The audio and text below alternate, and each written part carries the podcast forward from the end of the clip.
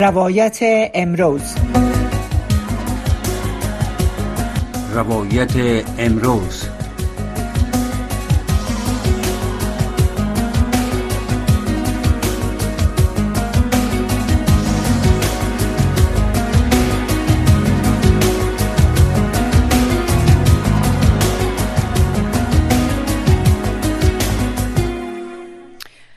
بینندگان و شنوندگان برنامه روایت امروز ممنون از اینکه بیننده و شنونده برنامه ساعت هستین. در برنامه امروز روی گزارش تازه سازمان گزارشگران بدون مرز در قبال وضعیت خبرنگاران در افغانستان صحبت می‌کنیم و همچنان روی گزارش دیگری که از نهادی به نام سازمان حمایت از خبرنگاران افغان به نشر رسیده و حاکی از وضعیت وخیم خبرنگاران مقیم پاکستان افغان مقیم پاکستان و ایران است و اینکه جامعه جهانی باید برای خبرنگارا در زمینه انتقالشان به کشورهای امن ارجعیت بده مهمان برنامه آقای حشمت وجدانی خبرنگار آزاد و فعال حقوق ماجرین هستند که مکنون از اسلام آباد در پاکستان در خط تلفن با ما هستند و شما هم می‌تونید نظریات سوال و یا برداشت خود را در قبالی موضوع با ما در میان بگذاریم با تماس با برنامه و یا اگر خبرنگار هستین و با وضعیت بد در ایران و پاکستان مواجه هستین می‌تونین برداشت خود را تجربه خود را با ما تشریک کنین.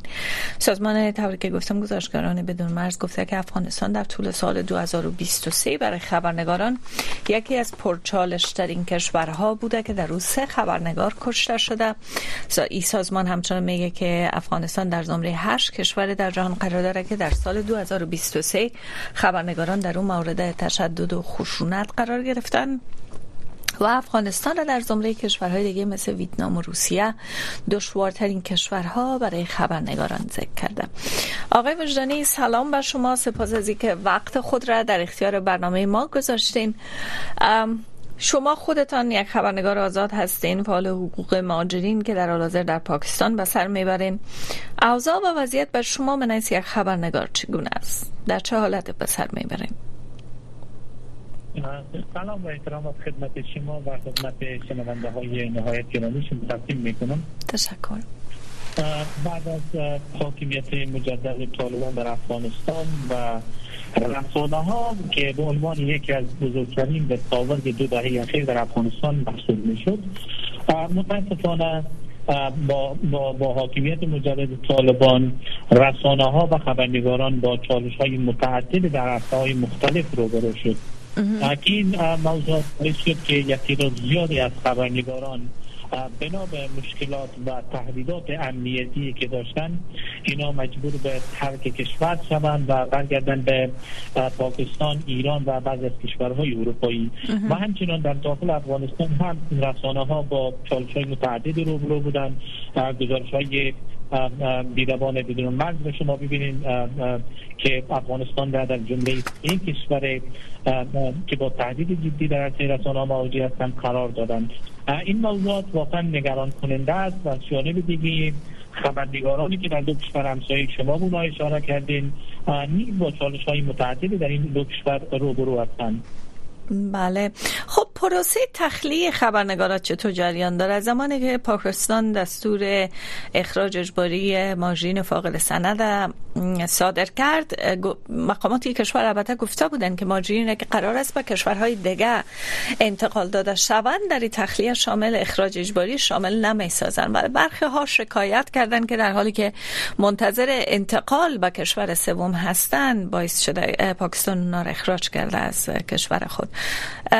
این پروسه انتقال خبرنگاران آیا و حالت عادی جریان داره یا که مشکلات رو نما شده در من فکر می‌کنم چند مورد این مورد اساسی وجود داره. خب یک جانب اگر ما ببینیم طالبان هستند و مشکلاتی که اونا با رسانه ها دارن و این موضوع باعث شد که خبرنگاران به مهاجر شوند به کشور. از جانب دیگر کشورهایی که با این خبرنگاران وعده کرده بودند و نهادهای حامی خبرنگاران که بینا وعده سپردن که شما به کشورهای همسایه بیاییم و پرونده های مهاجرتی شما طی مراحل میشن و بالاخره شما به کشورهای امن منتقل می‌شوین اما بعد از که دولت پاکستان تصمیم به اخراج خبرنگاران از پاکستان گرفتن یک اندازه این پروسه ها جدی تر شد من می‌تونم بگم به صورت مشخص سفارت آمریکا اینا آمدند و پرونده پرونده مهاجرتی افغان ها به خصوص خبرنگاران را یک اندازه سرعت بخشیدند در کنار اینا آرسف که یکی داد از خبرنگاران و به سفارت فرانسه معرفی کرده بودند بله. نماینده نماینده های اونا اخیرا به پاکستان سفر داشتند تا از وضعیت جاری خبرنگاران آگاهی داشته باشند و در ضمن اونا وعده سپردن که در ارتباط به انتقال خبرنگارا به کشورهای امن روی یک مکانیزم مشخص کار می‌کنن و زمینه دادخواهی را مساعد بسازن و زمینه را مساعد بسازن که به بعضی از کشورها اینا فشار وارد بکنن و دادخواهی بکنن تا بتونن به یک شکل این خبرنگاران که در پاکستان به سر می‌برند و از وضعیت بسیار بد اقتصادی و روانی اینا به اونا روبرو هستند زمینه انتقال اینا را به کشورهای امن مساعد بسازن و پرونده های مهاجرتی اینا را تسریع ببخشند بله. یکی دیگه از مشکلاتی که در این گزارش سازمان حمایت از خبرنگاران افغان آمده البته مقری سازمان در آلمان است و تازه که ایجاد شده است که مشکلات بیکاری فشارهای مالی یکی دیگه از موضوعات است که باعث بسیار های فراراه خبرنگارانی که در ایران و پاکستان به سر می‌برند شده. اینا بیکار هستن امکانات را ندارن که خود و خانواده خود تنبیل کنن. و گفتم میشه حتی برخی از اینا در پاکستان جرأت می‌کنن از خانه از حراس از که ممکن پلیس اونا را اخراج کنه از پاکستان خارج شوند. مشکلات بیکاری و عدم داشتن ظرفیت مالی برای تنبیل خود تا چه حد خبرنگارا را در پاکستان متاثر ساخته؟ خبرنگارانی که در پاکستان و همچنین در ایران زندگی می‌کنند یک از بزرگترین چالشی که این خبرنگاران با مواجه هستند مشکل بیکاری است. چون زمانی که شما وارد کشور میشن از نگاه قانونی و از نگاه بله. قانونی که این کشورها دارن یک خبرنگار نمی‌تونه به صورت آزاد در این کشورها فعالیت داشته باشند به خاطری که بارها دولت پاکستان گفته و این خبرنگاران که شما نوعیت ویزه که شما پاکستان آمدن فرق می‌کنن. شما باید جواز کار بگیرید. اما گرفتن جواز کار در این کشورها کار ساده ای نیست.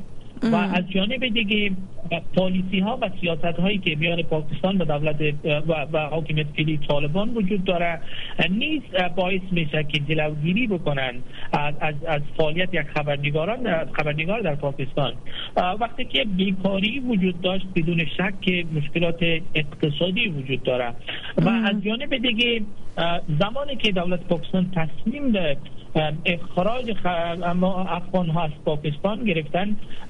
یک, یک از کتگوری ها و افراد و اشخاصی که بیشتر مورد خطر واقع شدن سنف خبرنگاران بودن که در پاکستان به سر می‌برند بله بله. مشکلی که در اینجا وجود داشت اگر این خبرنگارا بازداشت شوند و به افغانستان انتقال داده شوند خب از, از یک طرف میشه که اینا با مشکلات امنیتی روبرو شوند. و از جانب دیگه پرونده های مهاجرتی که اینا در پاکستان دارند و اونا در حالت طی مراحل شدن است.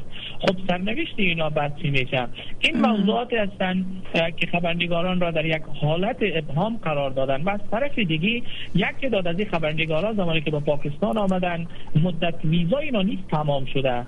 با وجودی که بارها اینا به خاطر تمدید ویزا اقدام کردن اما متاسفانه ویزا اینا تمدید نشد. و از جانب دیگه اگر شما بین به بازار سیاه اقدام بکنین نیاز به یک پولی است که باید شما مصرف بکنین. زمانی که یک خبرنگار پولی نداشته باشه زمینه کار برش مساعد نباشه چگونه بتونه پول هنگفتی را به خاطر تمدید ویزا پرداخت بکنن؟ خبرنگارانی وجود دارن که ما با اونا در تماس هستم. اونا می‌گوین که حتی از طرف شب چراغ های خانه خود را خاموش می‌سازند و حتی دروازه های خود را قفل مندازند که کسی متوجه نشود در اینجا کسی زندگی می‌کنند. بنابراین این حالت نشان میده که خبرنگاران واقعا در یک وضعیت بسیار بد روحی و روانی قرار دارند.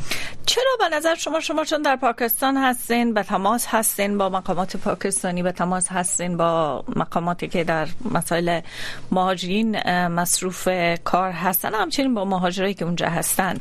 چرا در حالی که مهاجرین قانونی گفته شده و پاکستان گفته که مهاجرین را که در حال انتقال به کشور سوم است در این تصمیم اخراج اونا شامل نیستن باز هم از تمدید ویزا و دیگه همکاری با اینا با میورزن.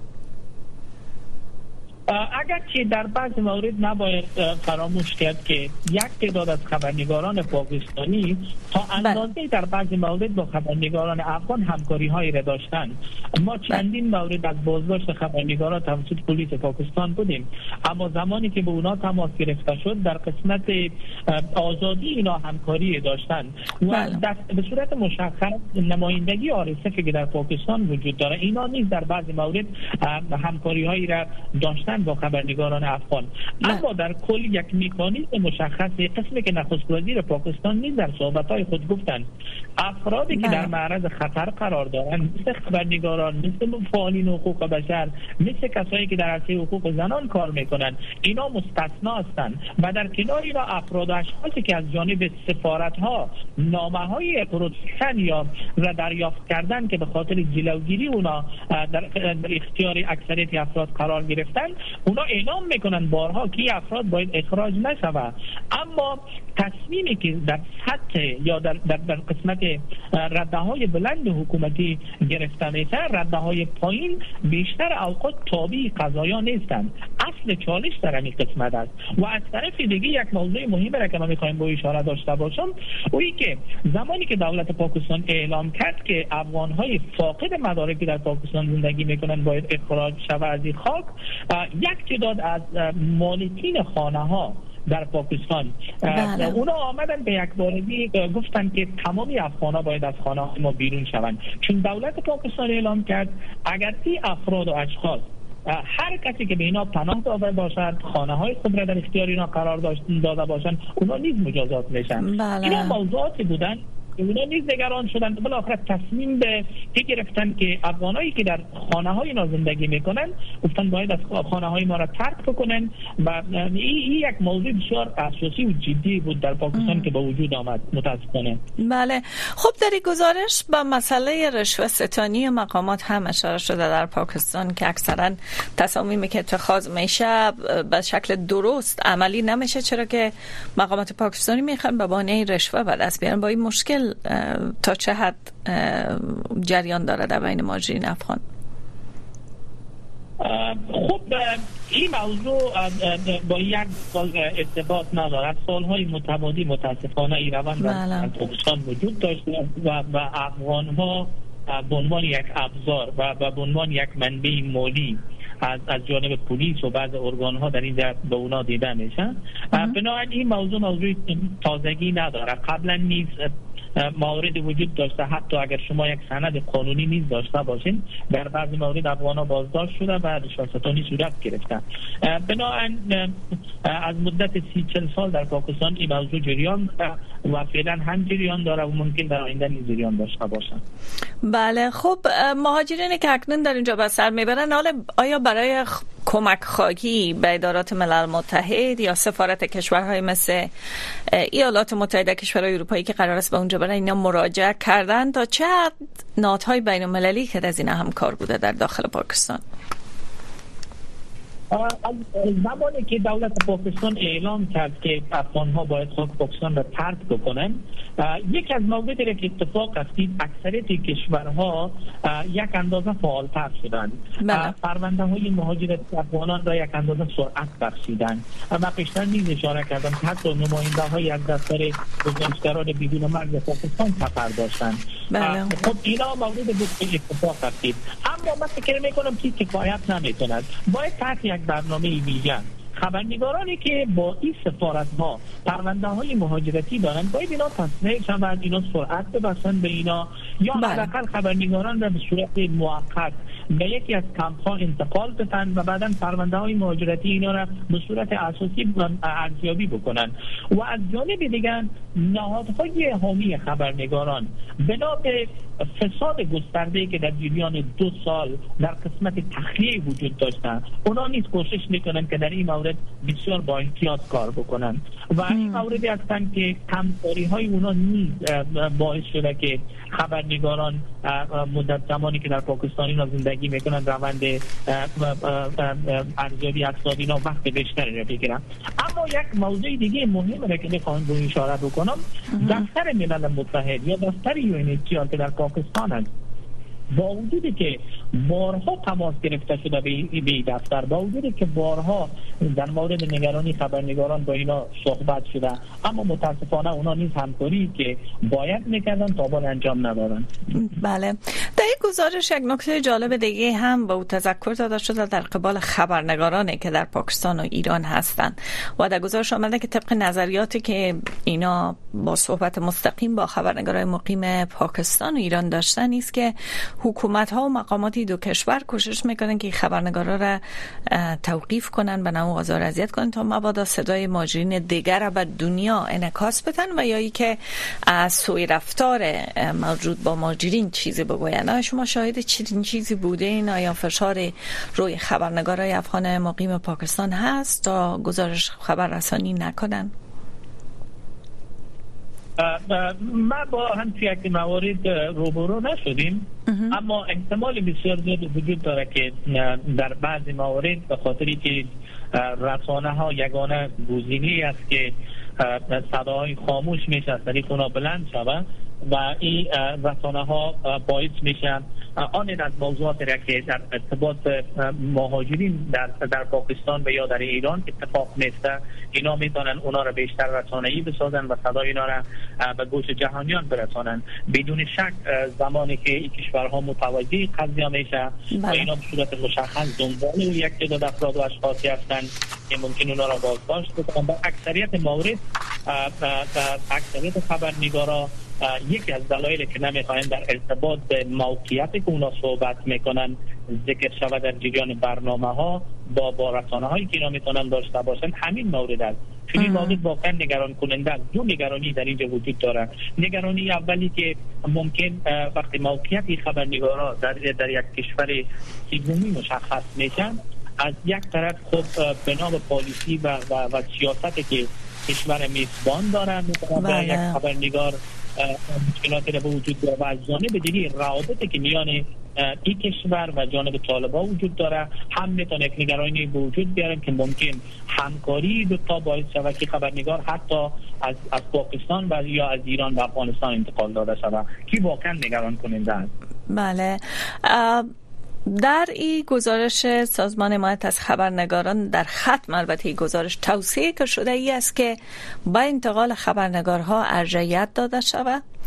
و که سازمان های مدافع حقوق بشر کشورهای سومی که اینا رو می‌خوان انتقال بدن باید سریعتری پروسه را طی کنن آیا تا کنون اعتراض از جانب خبرنگارا در قبال پروسه صورت گرفته؟ آیا پروسه کنتر از حد معمول نیست. بر اساس تجربه شما و شما فکر می‌کنین که تا چه حد باید کشورها و این توصیه ها و تقاضاها بر انتقال خبرنگاران اینا رو جدی بگیرن و به او گوش بدن؟ من فکر می‌کنم که آن از خبرنگارانی که پرونده های مهاجرتی اینا توسط بعضی از سفارت ها در حالت بررسی است قسمی که پیشتر هم گفتیم با یک استثنای قائل شوند اینا و خبرنگاران کوشش بکنن جایگاه ویژه ای را در نظر بگیرن. بله. تا بتانن پرونده اینا به صورت استثنایی بررسی شوند و ارزیابی شوند تا اینکه بتانن خبرنگاران به کشورهای امن انتقال بکنن. و از جانب دیگه خواست ما از نهادهای حامی خبرنگاران چنین است که اونا بیان در ارتباط به قضای خبرنگاران دادخواهی بکنن با سفارت های مربوطه صحبت بکنن. حداقل اونا را قناعت بدن که این خبرنگارا بنا به امو بگراند کاری که داشتن در افغانستان با تهدید جدی مواجه شما ببینید دولت پاکستان اعلام کرد که تا 31 دسامبر مهاجرین غیر قانونی از پاکستان اخراج می‌کنن. اما بعد از اینکه نهادهای حامی خبرنگاران جامعه جهانی ایالات متحده آمریکا به دولت پاکستان فشار وارد کردن اونا آمدن حداقل دو ماه دیگه نیست فرصت دادن که تا ختم فبروری است. اگر این سفارت ها قسمت مراحل پرونده های مهاجرتی این خبرنگاران توجه ویژه‌ای نداشته باشند. خب دو ماه بعد سرنوشت خبرنگاران چه خواهد شد؟ ما شواهد را داریم که یک تعداد از خبرنگاران اینه که از ایران اونا اخراج شدن به افغانستان برگشتن اونا بازداشت شدن. حتی حبس کوتاه مدت اونا سپری کردن شکنجه شدن. خب اینا می‌تونن نشان دهنده ای باشن که خبرنگاران با تهدیدات بسیار جدی ممکن در افغانستان روبرو شوند. و در اخرین مورد یعنی خبر تکان دهنده ای که وجود داره است که طالبان در ارتباط به بعد از خبرنگاران و رسانه ها محکمه ویژه‌ای برگزار کردند که در آخرین مورد یکی از مسئولین رسانه ها را در افغانستان متهم ساختن و به یک سال زندان اونا را محکوم ساختن. خب ببینید اینا موردی هستند که نشان دهنده ای است که اگر این کشورها و نهادهای حامی خبرنگاران در این اصد کار نشوند ممکن می‌کنیم که بگوییم که در این یک یک یک فاجعه به وجود خواهد آمد. بله شما به موضوع بسیار مهم اشاره کردین که او سوی رفتار طالبا با خبرنگاران است. در حالی که پاکستانی تصمیم حال گرفته که افغان های فاقد سند را دوباره به کشورشان مفرسته ولی با افزایشی تهدیدها و واقعات علیه خبرنگاران آیا شما شاهد آمدن خبرنگارای بیشتری از افغانستان به پاکستان هستین یا خیر؟ نه که اگر این تصمیم بعد از دو ماه بیشتر سرعت می‌گیره و بیشتر اجرایی میشن و از جانب دیگه آن از خبرنگارانی که بنا به مشکلاتی که دارن قرار شد تا کشور به ما فکر می‌کنم که می‌تونه یک زنگ خطر بسیار جدی به خبرنگاران باشه که ممکن اینا بازداشت شوند و ممکن اینا دوباره اخراج شوند. و از جانب دیگه در ارتباط به تمدید ویزا و ویزای جدید نیز مشکلاتی وجود دارن بله. خب می‌تونه که در افغانستان آزادی بیان و رسانه ها را به کالش بسیار جدی روبرو بسازند در حالی که طوری که شما گفتین که هنوز به شکل بسیار جدی پاکستانی قوانین را پیگیری نمی‌کنه و وضعیت در افغانستان هم چندان رو به بهبودی ننهاده و سوی ما متاسفانه جنگ های در جهان نداریم که توجه جهانیان بیشتر و شرق میانه مسئله جنگ اوکراین اسرائیل و غزه متمرکز است.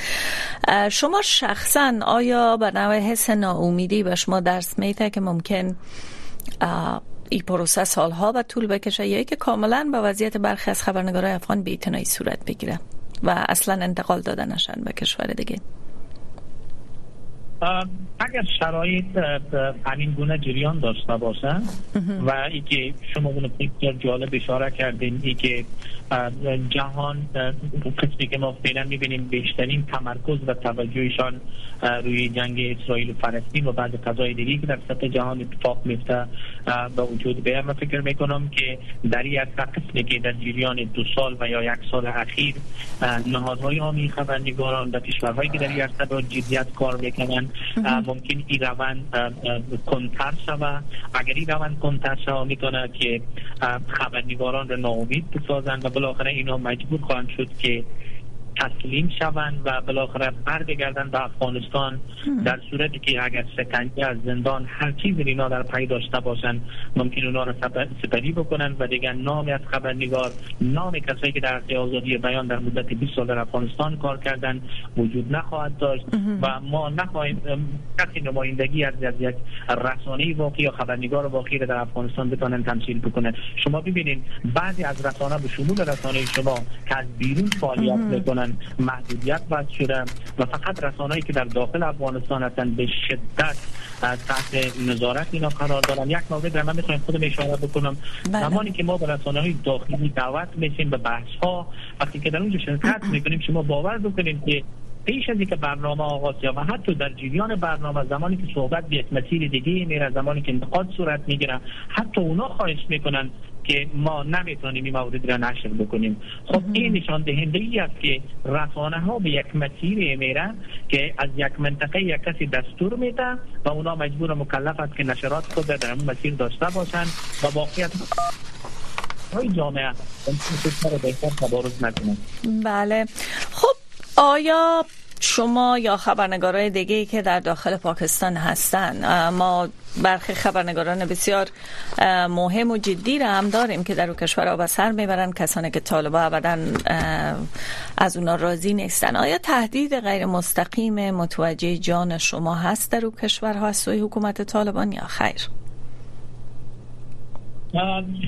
قسمی که سخنگوی قبلی وزارت داخلی طالبان اعلام کرد که هم ممکن یاد شما هم خواهد بود که ما بیرون از افغانستان نیز افراد و اشخاصی که برای ما مورد هدف باشه می‌تونیم به بسیار سادگی هدف قرار بدیم. خب این پیام یک پیام واقعی است که میرسانه که خبرنگارانی که ممکن در ایران در پاکستان زندگی می‌کنن در خطر جدی امنیتی قرار داشته باشند ممکن هر هر از گاه اتفاق بیفتن. اما تعهدی که ما با خود با مردم خود داریم و با جامعه خود داریم این مسئولیت را پذیرفتیم که به خاطر بله. آزادی بیان حقوق مردم افغانستان و حقوق بشر ادای خود را بلند می‌کنیم. و اینکه هر مشکلی که وجود میاد کوشش می‌کنیم که از خود حفاظت بکنیم. بله. سوال آخری که آقای وجدانی یا خبرنگاران مقیم پاکستان اگر شما در تماس با خبرنگاران مقیم ایران نیستین افغان های مقیم اونجا آیا کوشش کردن که یک جنبش یک شبکه را با تماس با یک دیگه ایجاد کنن که خودشان بتونن من حیث یک قدرت تاثیرگذار بر خود دادخواهی کنن در نزدیک سفارت ها یا مراکز و های حقوق بشر تا به نوع توجه رو به وضعیت خود جلب بدارن ما یک نهاد را تحت نام فدراسیون خبرنگاران افغان در تبعید هسته گذاری کردیم بله. که فدراسیون در پاکستان ایران ترکیه و حتی بعض از کشورهای اروپایی نمایندگی ها دارند و اینا این فدراسیون به صورت منتجم به خاطر حقوق خبرنگاران به خاطر دفاع آزادی بیان از مدت یک سال بدین سو فعالیت داره کار می‌کنن بله. و ما با یک تعداد زیادی از نهادهای حقوق بشری و نهادهای حامی رسانه ها به تماس هستیم تا بتانیم به خاطر حل مشکلات خبرنگارانی که در پاکستان ایران و ترکیه حضور دارن بتانیم یک راه حل منطقی را به وجود بیاریم تا بتانیم این بله. خبرنگاران به کشورهای هم به مورد نظرشون انتقال پیدا بکنن ممنون و سپاس از وقتتان. آقای حشمت وجدانی خبرنگار آزاد و فعال حقوق ماجنگ از پاکستان با ما بودین. برداشت از وضعیت خبرنگاران مقیم کشور و همچنین واکنش های خود را به دو گزارش بسیار عمده که روی حقوق خبرنگاران افغان در غربت به نشر رسیده با ما در میان گذاشتیم. باز هم سپاس از وقتتان و ممنون تمام بیننده ها و شنوندهایی که بحث را دنبال کردن با ما بودند متاسفانه کسی با ما تماس نگرفت تا برداشت نظر خود را با ما در میان بگذاره. ولی امیدوارم در برنامه های آینده این کارا بکنیم تا ما بتونیم مستقیما از شما بشنویم و مهمان برنامه نظریات خود را بتونه روی موضوعات با شما در میان بگذاره. همکاران در استودیو با ما هستند. و زودی برنامه بعدی که نظر شماست آغاز میشه. امیدوارم که بیننده و شنونده برنامه هم باقی بمانین. و شما می‌تونید نظریات خود را در قبال برنامه ها طریق های اجتماعی دری و پشتوی صدای امریکا با ما در میان بگذارین در مورد محتوای برنامه ها در مورد موضوعاتی که می‌خواین روی از بحث صورت بگیره تا برنامه دیگر شب روزتون بخیر.